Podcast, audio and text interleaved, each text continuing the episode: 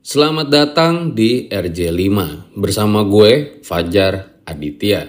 Sebelum dimulai, gue mau ngasih tahu kalau nggak cuma gue, tapi lo juga bisa bikin podcast. Mulai dari rekaman, edit suara, tambah lagu, sampai bisa lo lakuin sendiri dengan platform Anchor.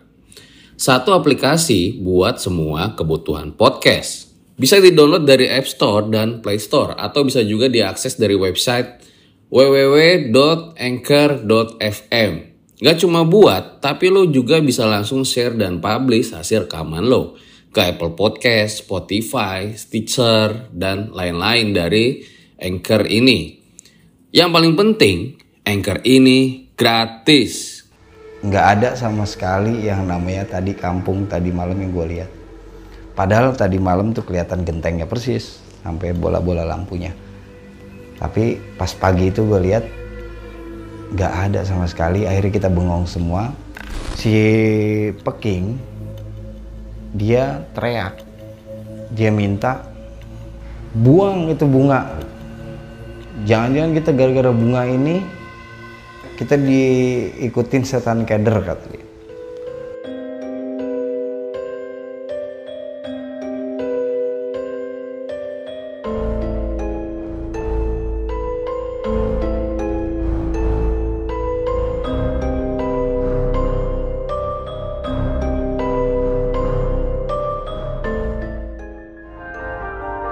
Sebelum video ini dimulai, gak bosan-bosannya kami mengingatkan kalian, jangan lupa untuk tetap di rumah aja.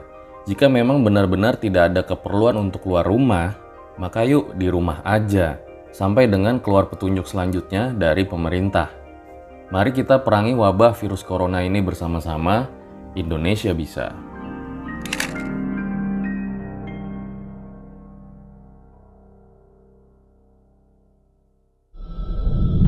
Lagi bersama gue Fajar Aditya di Om Mamat Season 1 Dan di episode kali ini kita sudah kedatangan seorang narasumber Yang mempunyai kisah luar biasa Tersesat tiga hari di Gunung Ciremai. Selamat malam Kang Utis. Malam.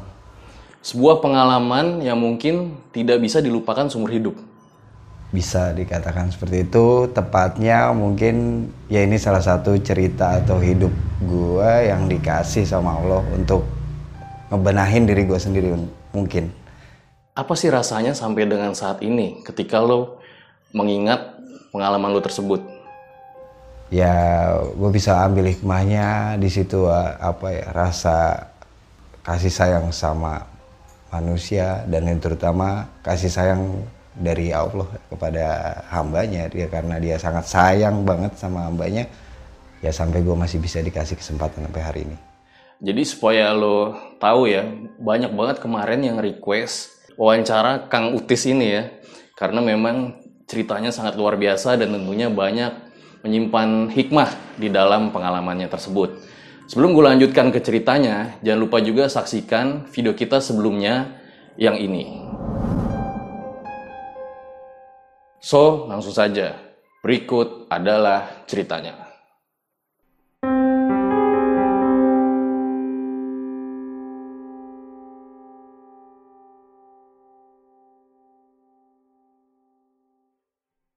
Pengalaman ini pendakian saat itu gua ke Gunung Cerme di tahun 2002 di bulan April dengan ketiga kawan gua, Encam, Naning, dan Peking. Dan semuanya kebetulan gue berempat cowok semua melakukan pendakian itu. Sebenarnya gua bukan pendaki, gue cuma hanya suka mendaki gunung dan kebetulan juga orang tua gue nggak pernah ngizinin gue naik gunung. Akhirnya gue punya cara sendiri dengan cara gue Eh, bagaimana caranya gue biar bisa naik gunung yaitu ya gue punya cara lah. Gue ngakal-ngakalin orang tua gue Jadi, lu seperti awalnya tidak diizinkan ya oleh orang tua?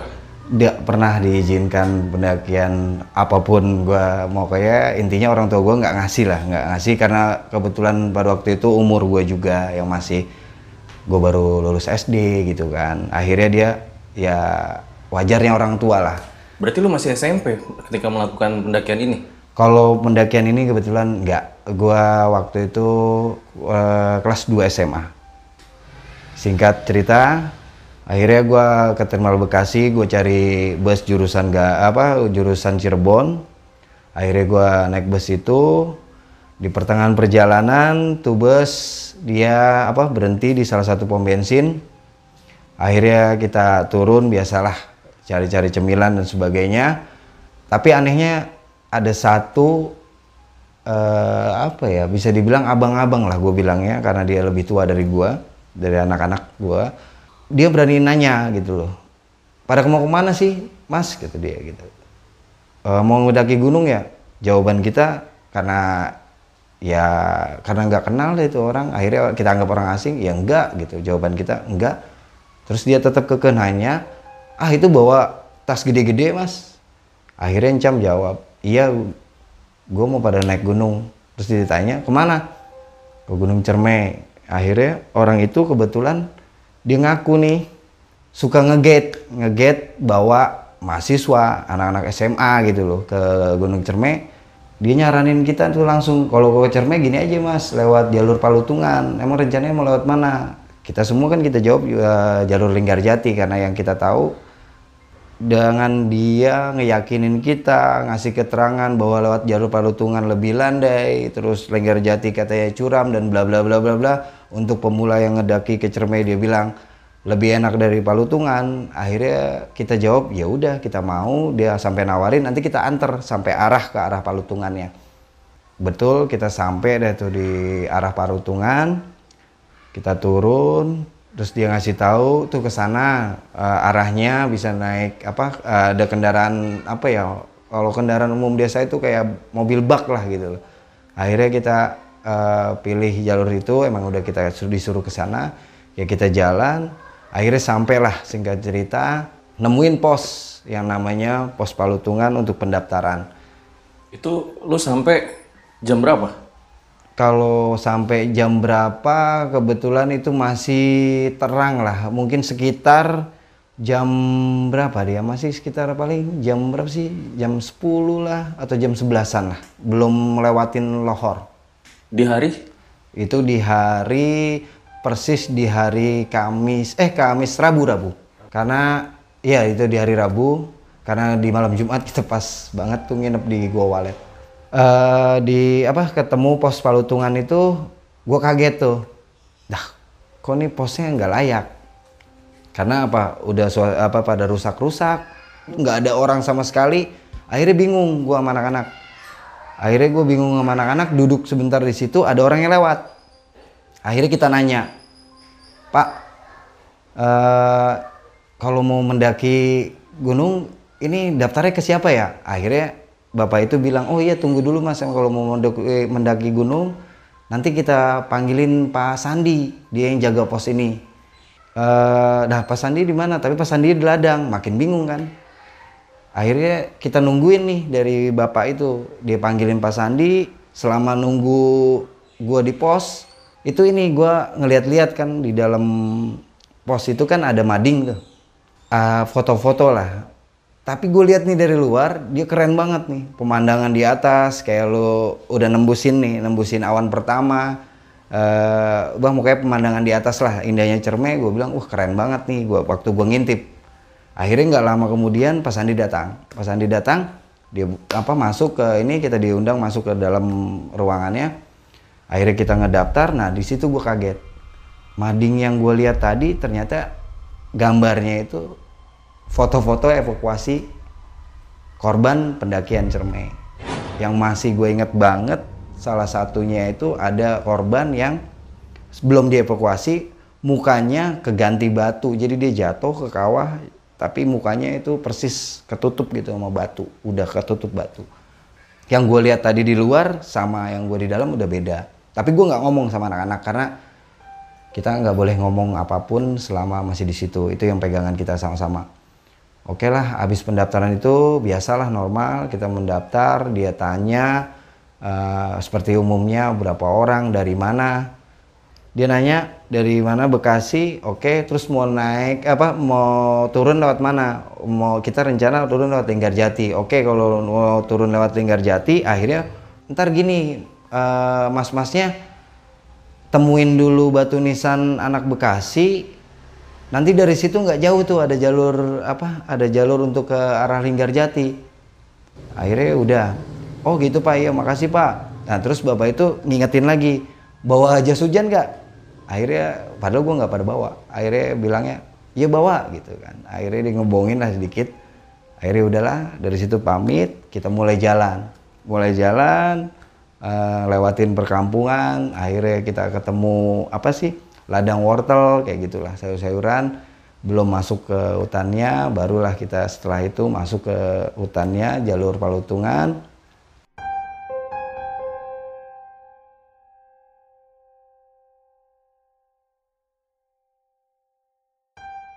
Naning nih anaknya kocak banget. Uh, dia suka bercanda dan dia kebetulan salah satu dari kita yang nggak tahu sama sekali Ponedo Luis uh, yang dari pohonnya gitu loh. Dia nggak pernah tahu ngelihat langsung yang namanya eh pohon Edelweiss tuh bunganya bunganya dia tahu tapi pohonnya dia nggak tahu. Dia pengen banget akhirnya kita bercanda kita apa namanya kita bohong-bohongin dia setiap ada bunga di sana. Kita bilang itu Edelweiss akhirnya ya gitulah banyol-banyolan. Nah singkat cerita lagi kita nah gue ketutup nih ketutup jalan. Nah ketutup jalan bingung nih gue sama anak-anak ada pohon tumbang gede banget di depan kita. Ya kita bengong-bengong sebentar gitu loh cari-cari uh, di mana ya jalannya gitu loh. Akhirnya uh, ada yang turun dari atas. Ada pendaki yang turun dari atas kalau nggak salah sekitar tiga orang lah tiga orang. Dia turun kita nanya lah mas itu jalurnya ketutup ya? Iya kata dia Nah, terus lewatnya mana jalur? Ini lewat sini, nanti ketemu jalur lagi, lewatin pohon tumbang ini. Oh, oke okay, kayak gitu. Terus udahlah kita biasa basi. Oke okay lah, kita lewat, kita naikin pohon itu, kita ngerambat dari pohon itulah kasarnya. Karena pohon itu yang nutupin jalan. Ketemu lagi memang jalur. Nggak lama, ketemu sama rombongan eh, salah satu universitas yang ngecamp di sana atau bikin acara di sana. Akhirnya kebetulan langit juga udah agak gelap akhirnya gue sama kawan-kawan mutusin ya udahlah kita ngecamp di sini udah punya tetangga juga gitu kan. Oke okay lah. Nah terus kita apa mendirikan tenda di situ uh, itu di mana mas? Itu di apa ya namanya kayak buper lah. Kayak buper kalau nggak salah Cigowong lah kalau sekarang. Itu dibilangnya jalurnya ya apa pos Cigowong. Nah akhirnya kita ngedukui apa nge, bikin tenda di situ kita nginep di situ biasalah malam-malam kita bikin cemilan makan gitulah. Buat ini akhirnya kita juga kasih buat ke tetangga tenda. Kita kasih agar kita buatin agar. Dan akhirnya kita ngobrol-ngobrol sebentar kenapa gue tahu? Di sana tuh dia itu adalah uh, mahasiswa dari salah satu universitas yang ada di sana. Dia yang ngomong karena kita ngobrol sudahlah singkat cerita datanglah kita waktu pagi. Akhirnya kita kemas-kemas semua peralatan kita kita beresin yang apa peralatan yang lain akhirnya kita mulailah muncak. Uh, setelah apa kita lakukan muncak oh, treknya makin lumayan.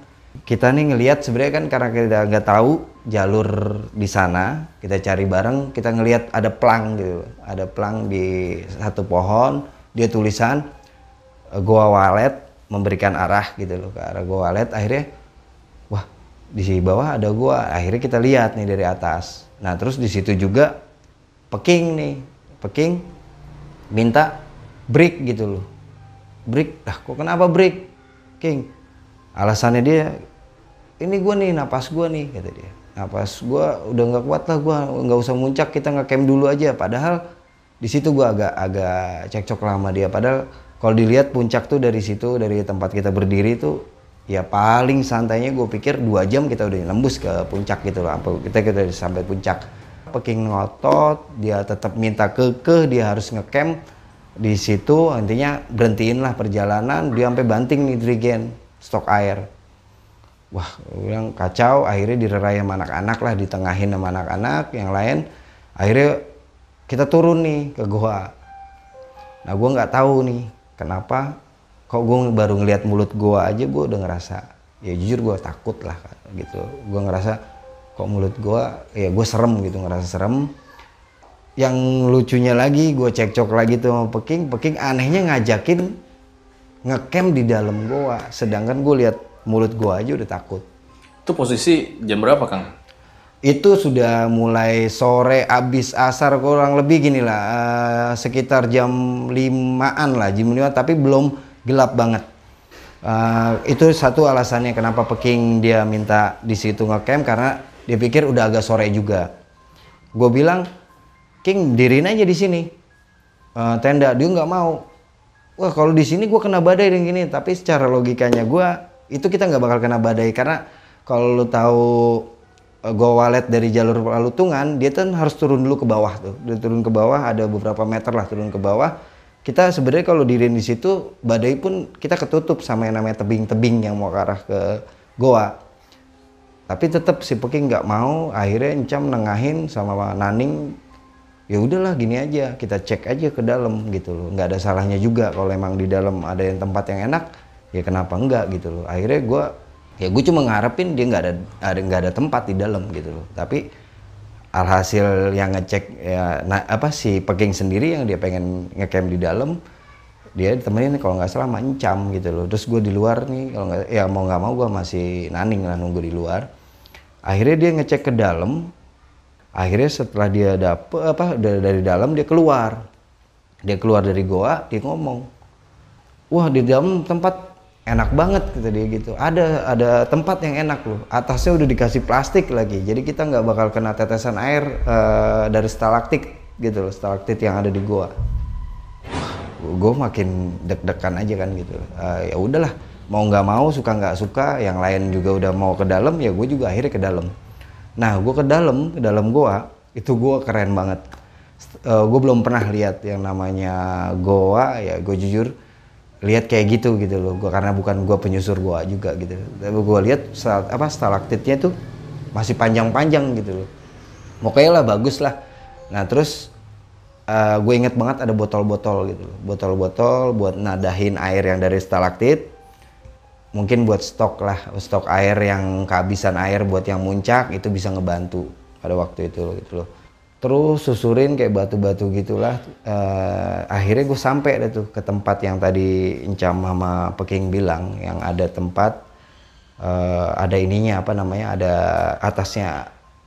Akhirnya cukuplah gue berempat rebahan di situ. Akhirnya mau nggak mau di situ kita rebahan kita istirahat lah di situ. Terus kita nggak perlu buka tenda karena emang di dalam terus di atasnya juga ke, apa ketutup sama plastik. Aman lah dari tetesan air gue baru nyadarin atau anak-anak juga baru nyadarin kenapa itu goa itu disebut goa walet. Ternyata waletnya di situ tuh luar biasa banyak banget. Akhirnya uh, udahlah makin apa namanya makin gelap. Udah nggak ada matahari pun yang masuk ke yang kita lihat gitu loh dari kita tempat uh, apa istirahat di situ sampai ke mulut goa tuh nggak ada yang gue nggak ngeliat matahari lah masuk karena kita pakai lampu badai juga ternyata kita nggak sadarin ini di depan kita ada lubang gitu. Lubang gede banget sih. Makanya kita melipir itu sebenarnya ada daerah yang gelap gitu loh. Daerah yang gelap eh ternyata itu lubang. Akhirnya encam dia ngecek. Karena ngeri juga kan kita. Dia ngecek dilempar itu batu ke bawah tuh. Tujuannya kan ngecek uh, dalamnya gitu pas dilempar sama nyentuh ke dasarnya si lubang itu tuh lama gitu loh akhirnya ya udah wah gila nih lubang dalam banget berarti ya.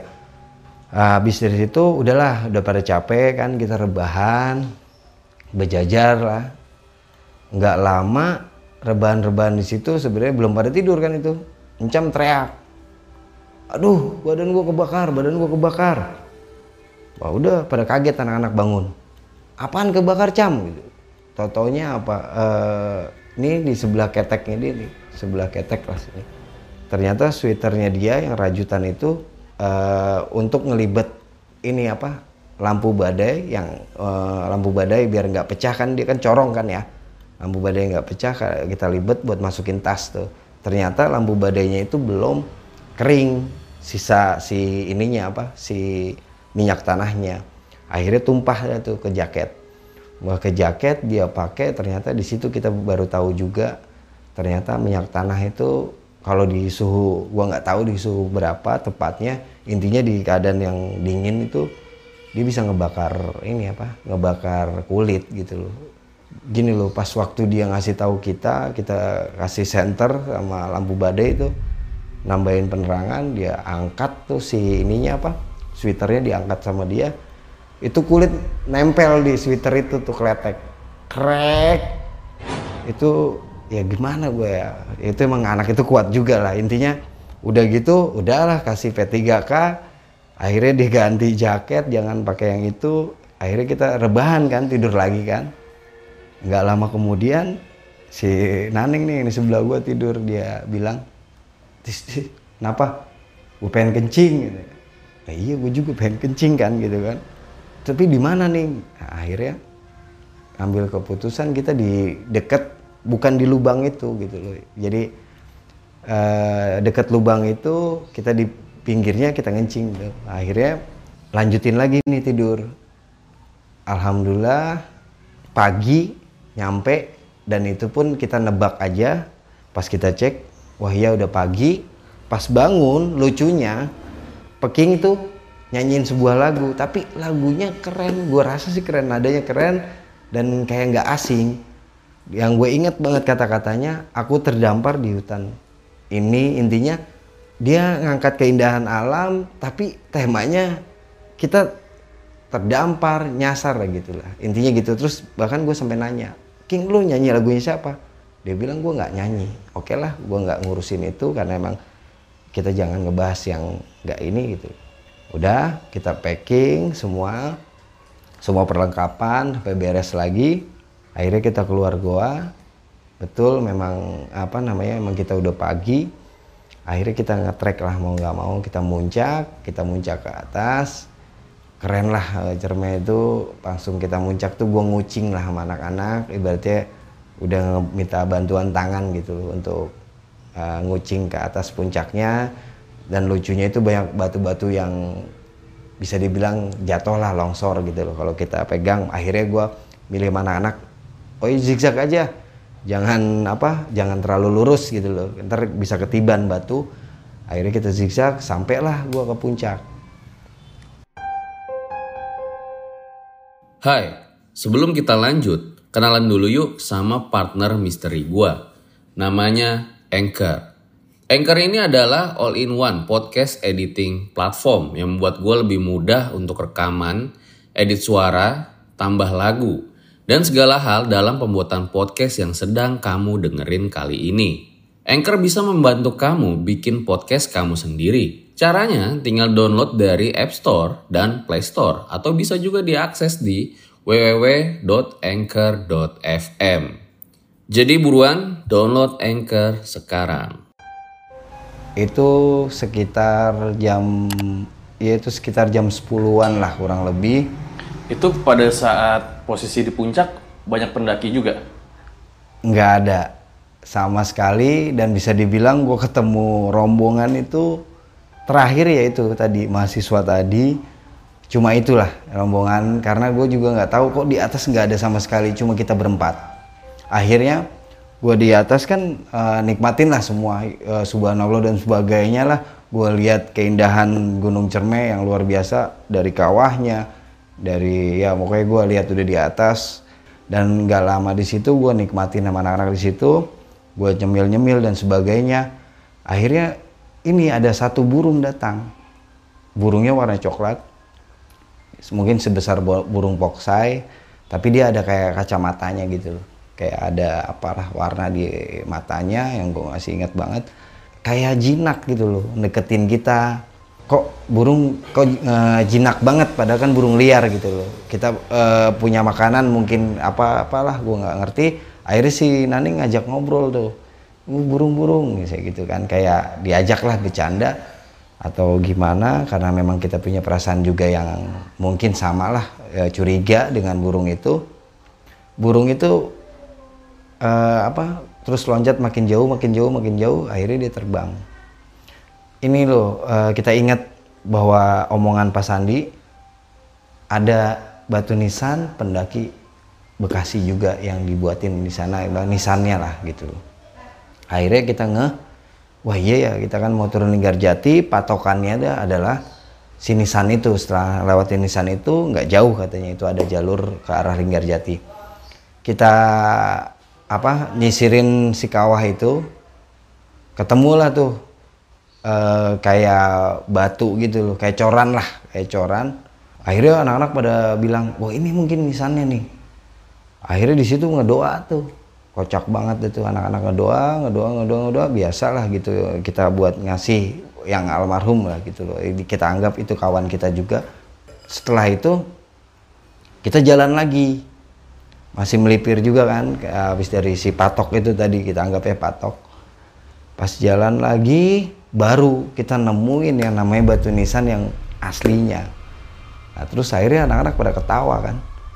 Tadi yang kita doain apaan kata gitu loh. Cuma patok doang. Nah ini yang aslinya eh, apa namanya nisan anak Bekasi yang gue masih inget banget.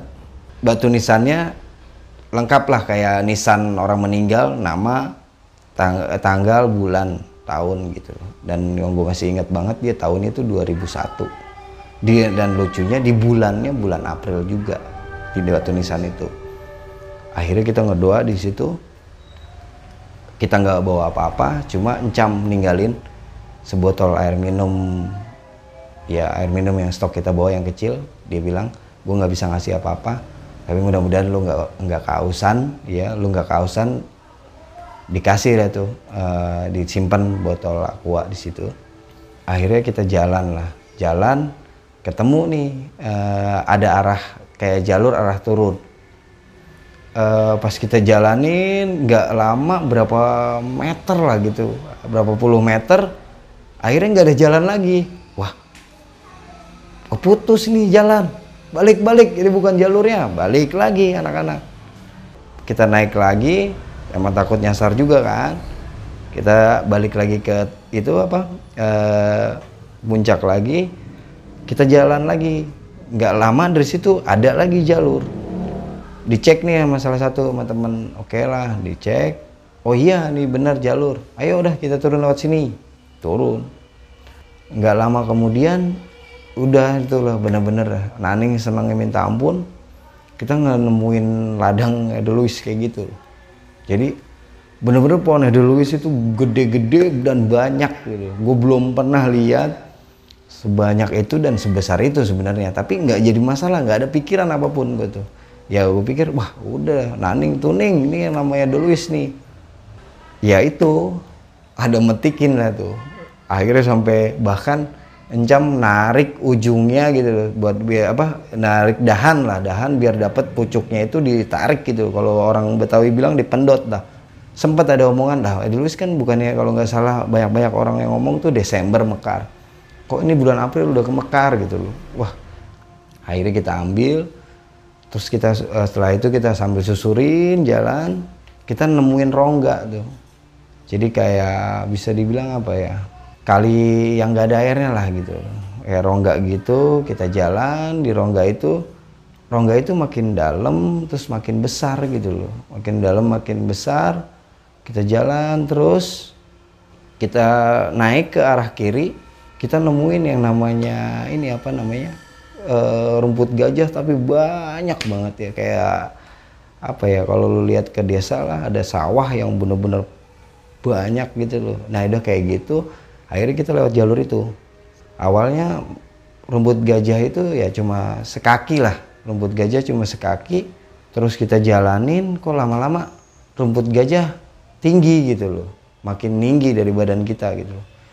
Si Naning naik ke apa namanya ke salah satu pohon yang ada di antara rumput gajah itu. Jadi pohon itu jarang-jarang lah. Misalnya kalau kalau misalnya ini ada pohon kecil lah pohon di daerah puncak gitu loh. Nggak ada yang besar-besar amat sih gitu loh. Paling semana lah. Nah itu ntar ketemu lagi ada pohon jauh banget gitu loh. Nah terus si Naning itu teriak-teriak mundur mundur katanya nah terus alasannya si Naning kenapa dia minta mundur? Karena si rumput gajah itu makin dalam gitu loh. Dia kan paling pendek di antara kita lah. Jadi kayak rumput gajah itu hampir nutupin badan kita gitu loh. Nah, terus alasannya dia mundur-mundur itu tapi dia ungkapin ini tuh sebenarnya setelah kita turun dia itu sebelum naik ke kenapa dia naik ke salah satu pohon itu atau ke dahan itu dia ini nginjek kakinya itu kayak nginjek benda tapi licin gitu loh. Itu alasannya dia. Akhirnya mau nggak mau kita turun kita masuk lagi ke rongga rongga itu. Seperti ular maksudnya. ya kurang lebih itulah gitu.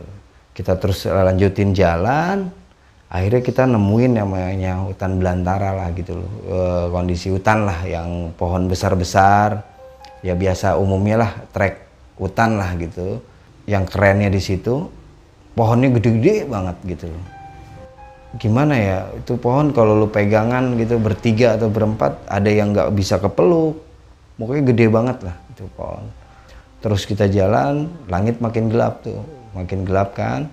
Kita tapi herannya di situ belum ngerasa bahwa apa ya kita nyasar tapi gue udah sempet takut waktu nemuin jalur yang apa tadi rumput gajah? Sempet gue bilang sama Encam sama yang lain kenapa kita nggak balik lagi? Gitu loh. Tapi mereka mikir puncak udah jauh. Kalau balik lagi kita bisa kemalaman dan bla bla bla bahkan kalau kita lewat jalur yang kita terusin ini kemungkinan kita bisa lebih cepat balik sebenarnya gitu loh. Cepat turun sampai jalur ke Linggarjati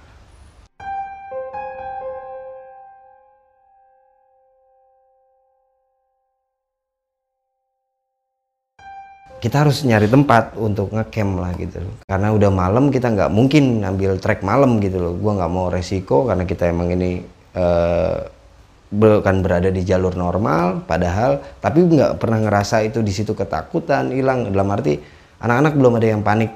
Wah kita nyasar jauh ke dalam gitu. Nggak ada sama sekali. Malah kita bikin tenda ketemu ada aliran sungai gitu loh. Ketemu aliran sungai. Nah setelah dirin tenda di sungai itu kan perbekalan makanan udah habis semua udah habis gitu. Dan akhirnya akhirnya kita ngecamp di situ. Di malam itu apa tuh kita dirin tenda bahkan pakaian juga si peking mau basah dia malah cuma pakai apa sih celana dalam dia buka semuanya. Kita dirin tenda tuh dia pakai sleeping bag doang. Nah terus nggak lama setelah buka tenda itu kan udahlah nggak ada yang bisa dimasak kan ya. Udah nggak ada perbekalan karena habis kita habisin di atas ya. Perbekalan kita habisin di atas. Eh gue keluar pengen kencing juga lagi tuh pengen kencing kita gua kencing ke belakang tenda. Apa gue lagi ngeliat-liat gitu. Eh gue malah ngeliat kayak lampu-lampu terus genteng. Nah terus gue lihat kan apa panggil anak-anak. Woi ada ini loh tuh ada perkampungan mana perkampungan? Coba lihat sini. Nah akhirnya anak-anak eh, ke arah gua tuh ke arah tempat gua kencing akhirnya kita lihat. Berempat itu kita lihat benar itu ada lampu jelas. Bola lampunya juga ketahuan banget lah kasarnya. Eh, oh iya itu bola lampu terus genteng-genteng. Udahlah habis itu kita masuk ke tenda emang kita nggak ada cemilan lagi atau perbekalan apa pun di malam itu malah kita nyemil tuh apa coba cuma garam sama cabe dah kita cocok-cocolin aja gitu loh. Kita yang penting ada rasa lah gitu loh. Di dalam tenda kita ngobrol lah tuh. Nani sampai bilang gini udah kalau kampungnya di situ kita bener-bener motong jalan nih cepet banget. Paling jam 9 pagi kalau kita misalnya tutup tenda jam 5 kita trek jam 6 ya jam 9 udah sampai tuh ke kampung itu gitu loh. Kita bisa makan dari sana gini ini gitu loh. Udah itu rencana di dalam tenda dah karena seneng ngelihat ngelihat perkampungan itu nah udah akhirnya kita tidur lah semua tidur kita sampailah pagi kita bangun semua kira jam 5an lah kurang lebih setengah enam lah gitu Berarti ini di hari Sabtu pagi ya? Sabtu pagi karena Jumat itu kita mulai turun. Jumat kita mulai turun berarti ya udah kita nginep semalam berarti otomatis hari Sabtu. Gue bengong nih sama anak-anak. Setelah gue lihat ke arah perkampungan yang tadi malam kita lihat itu isinya cuma pucuk-pucuk pohon gede. Yo intinya hutan rimba lah gitu kalau gue bilang nggak ada sama sekali yang namanya tadi kampung tadi malam yang gue lihat. Padahal tadi malam tuh kelihatan gentengnya persis sampai bola-bola lampunya. Tapi pas pagi itu gue lihat nggak ada sama sekali. Akhirnya kita bengong semua. Dari situlah ada rasa. Yang mungkin gue terutama gue nggak tahu yang lain apa yang lain juga sama. gue ngerasa udah nggak bener ini kita udah nggak di jalur yang bener atau bisa dibilang kita udah nyasar nih. Bahkan kita kan sebenarnya sebelumnya juga sampai kita buka tenda itu kan udah ngelewatin beberapa air terjun juga gitu loh. Uh, sebenarnya udah jauh. Kondisi seperti itu terus bekal makanan juga udah nggak ada mau nggak mau ya kita lanjutin lagi perjalanan. Kita naik ke arah tebing. Kita lewatin tebing-tebing itu. Nggak lama kemudian si Peking dia teriak. Dia minta buang itu bunga. Jangan-jangan kita gara-gara bunga ini kita diikutin setan keder kata dia pengakuan yang cam sebenarnya pada waktu itu tuh Peking sebelum dia minta buang Edelweiss Peking tuh kayak nunjuk ke arah nggak ada kita padahal ke arah kosong kalau menurut kita. Dia kayak ada yang ngikutin gitu loh. Seakan-akan dia nunjuk marah-marah lu jangan ikutin gua lo gitu. Akhirnya dia minta tetap buang Edelweiss akhirnya kita ambil Edelweiss yang tadi kita bawa di salah satu tem apa tas yang kita bawa sopan sih kita buang juga. Kita buang itu bukan dalam arti kita buang begitu aja tapi kita taruh di celah pohon besar. Kalau lo tahu pohon gede gitu loh mau arah akar kan ada celah gitu. Pada saat itu memang cukup banyak edelweiss yang lumayan lah seplastik lah. Seplastik kita ambil itu kita ngedoa tuh. Kita kasarnya ungkapan minta maaf sebenarnya. Kita sadar juga sebenarnya kan nggak boleh kita ambil kita minta maaf di situ kita bacain tuh al-fatihah di situ. Bacain al-fatihah di situ setelah itu saat kita udah mulai dari situ tuh jalan tuh yang buka kalau nggak encam pasti peking. Gua dan si Naning itu pasti di belakang mereka lah di antara dua orang itu. Pasti yang buka jalur dia berdua. Kita mulai sadar bahwa ini tuh udah nyasar gitu loh. Terus eh, bahkan encam pas waktu jalan dia jatuh di apa namanya di jalan nih. Nggak sadar ternyata dia kepleset jatuh lumayan berapa meter ke bawah. Kedebuk gitu wah pokoknya kita nggak tahu sama sekali di dalam hutan itu ada apa kasarnya karena kita nggak tahu. Akhirnya Encam ini untungnya selamatnya dari apa dia coba? Ada kayak batang pohon gitu loh yang patah persis di arah ini rusuknya dia. Tapi untungnya dia nggak kena. Pas kita panggil-panggil jam jatuh nggak bisa jawab. Biasalah orang jatuh yang kayak napasnya kayak uh, gitu-gitu. Pas kita samperin nih si Jam Jam lu nggak kenapa-napa. Dia bilang tetap nggak apa-apa gitu dia. Padahal dia ngomongnya nggak bisa kita kasih air minum. Nah makin lah kita makin takut. Makin takut dengan kondisi hutan itu yang bisa dibilang nggak jelas lah gitu. Kasarnya ada apa di depannya kita nggak tahu karena nggak di jalur yang normal. Akhirnya kita tetap nyari jalur gimana yang arah menurun.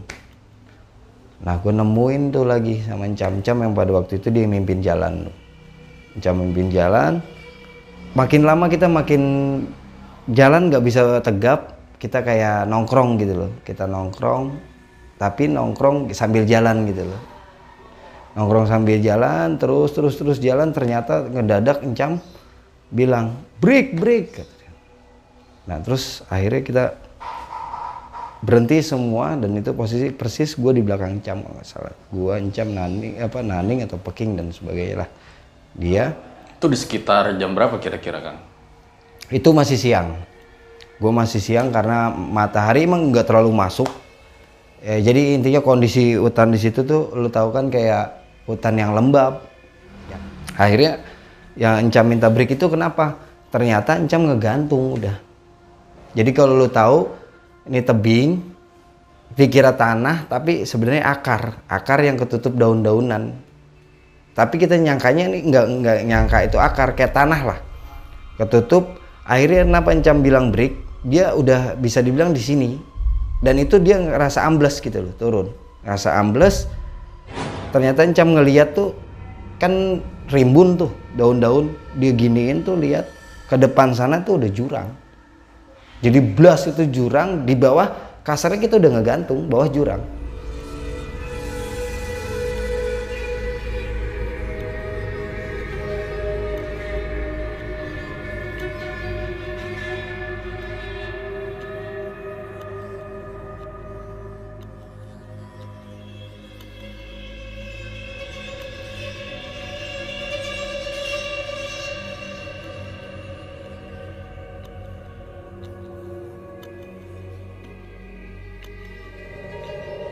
kalau burung itu jahat kita dipatokin berempat mungkin kita nggak bisa lanjutin jalan lagi.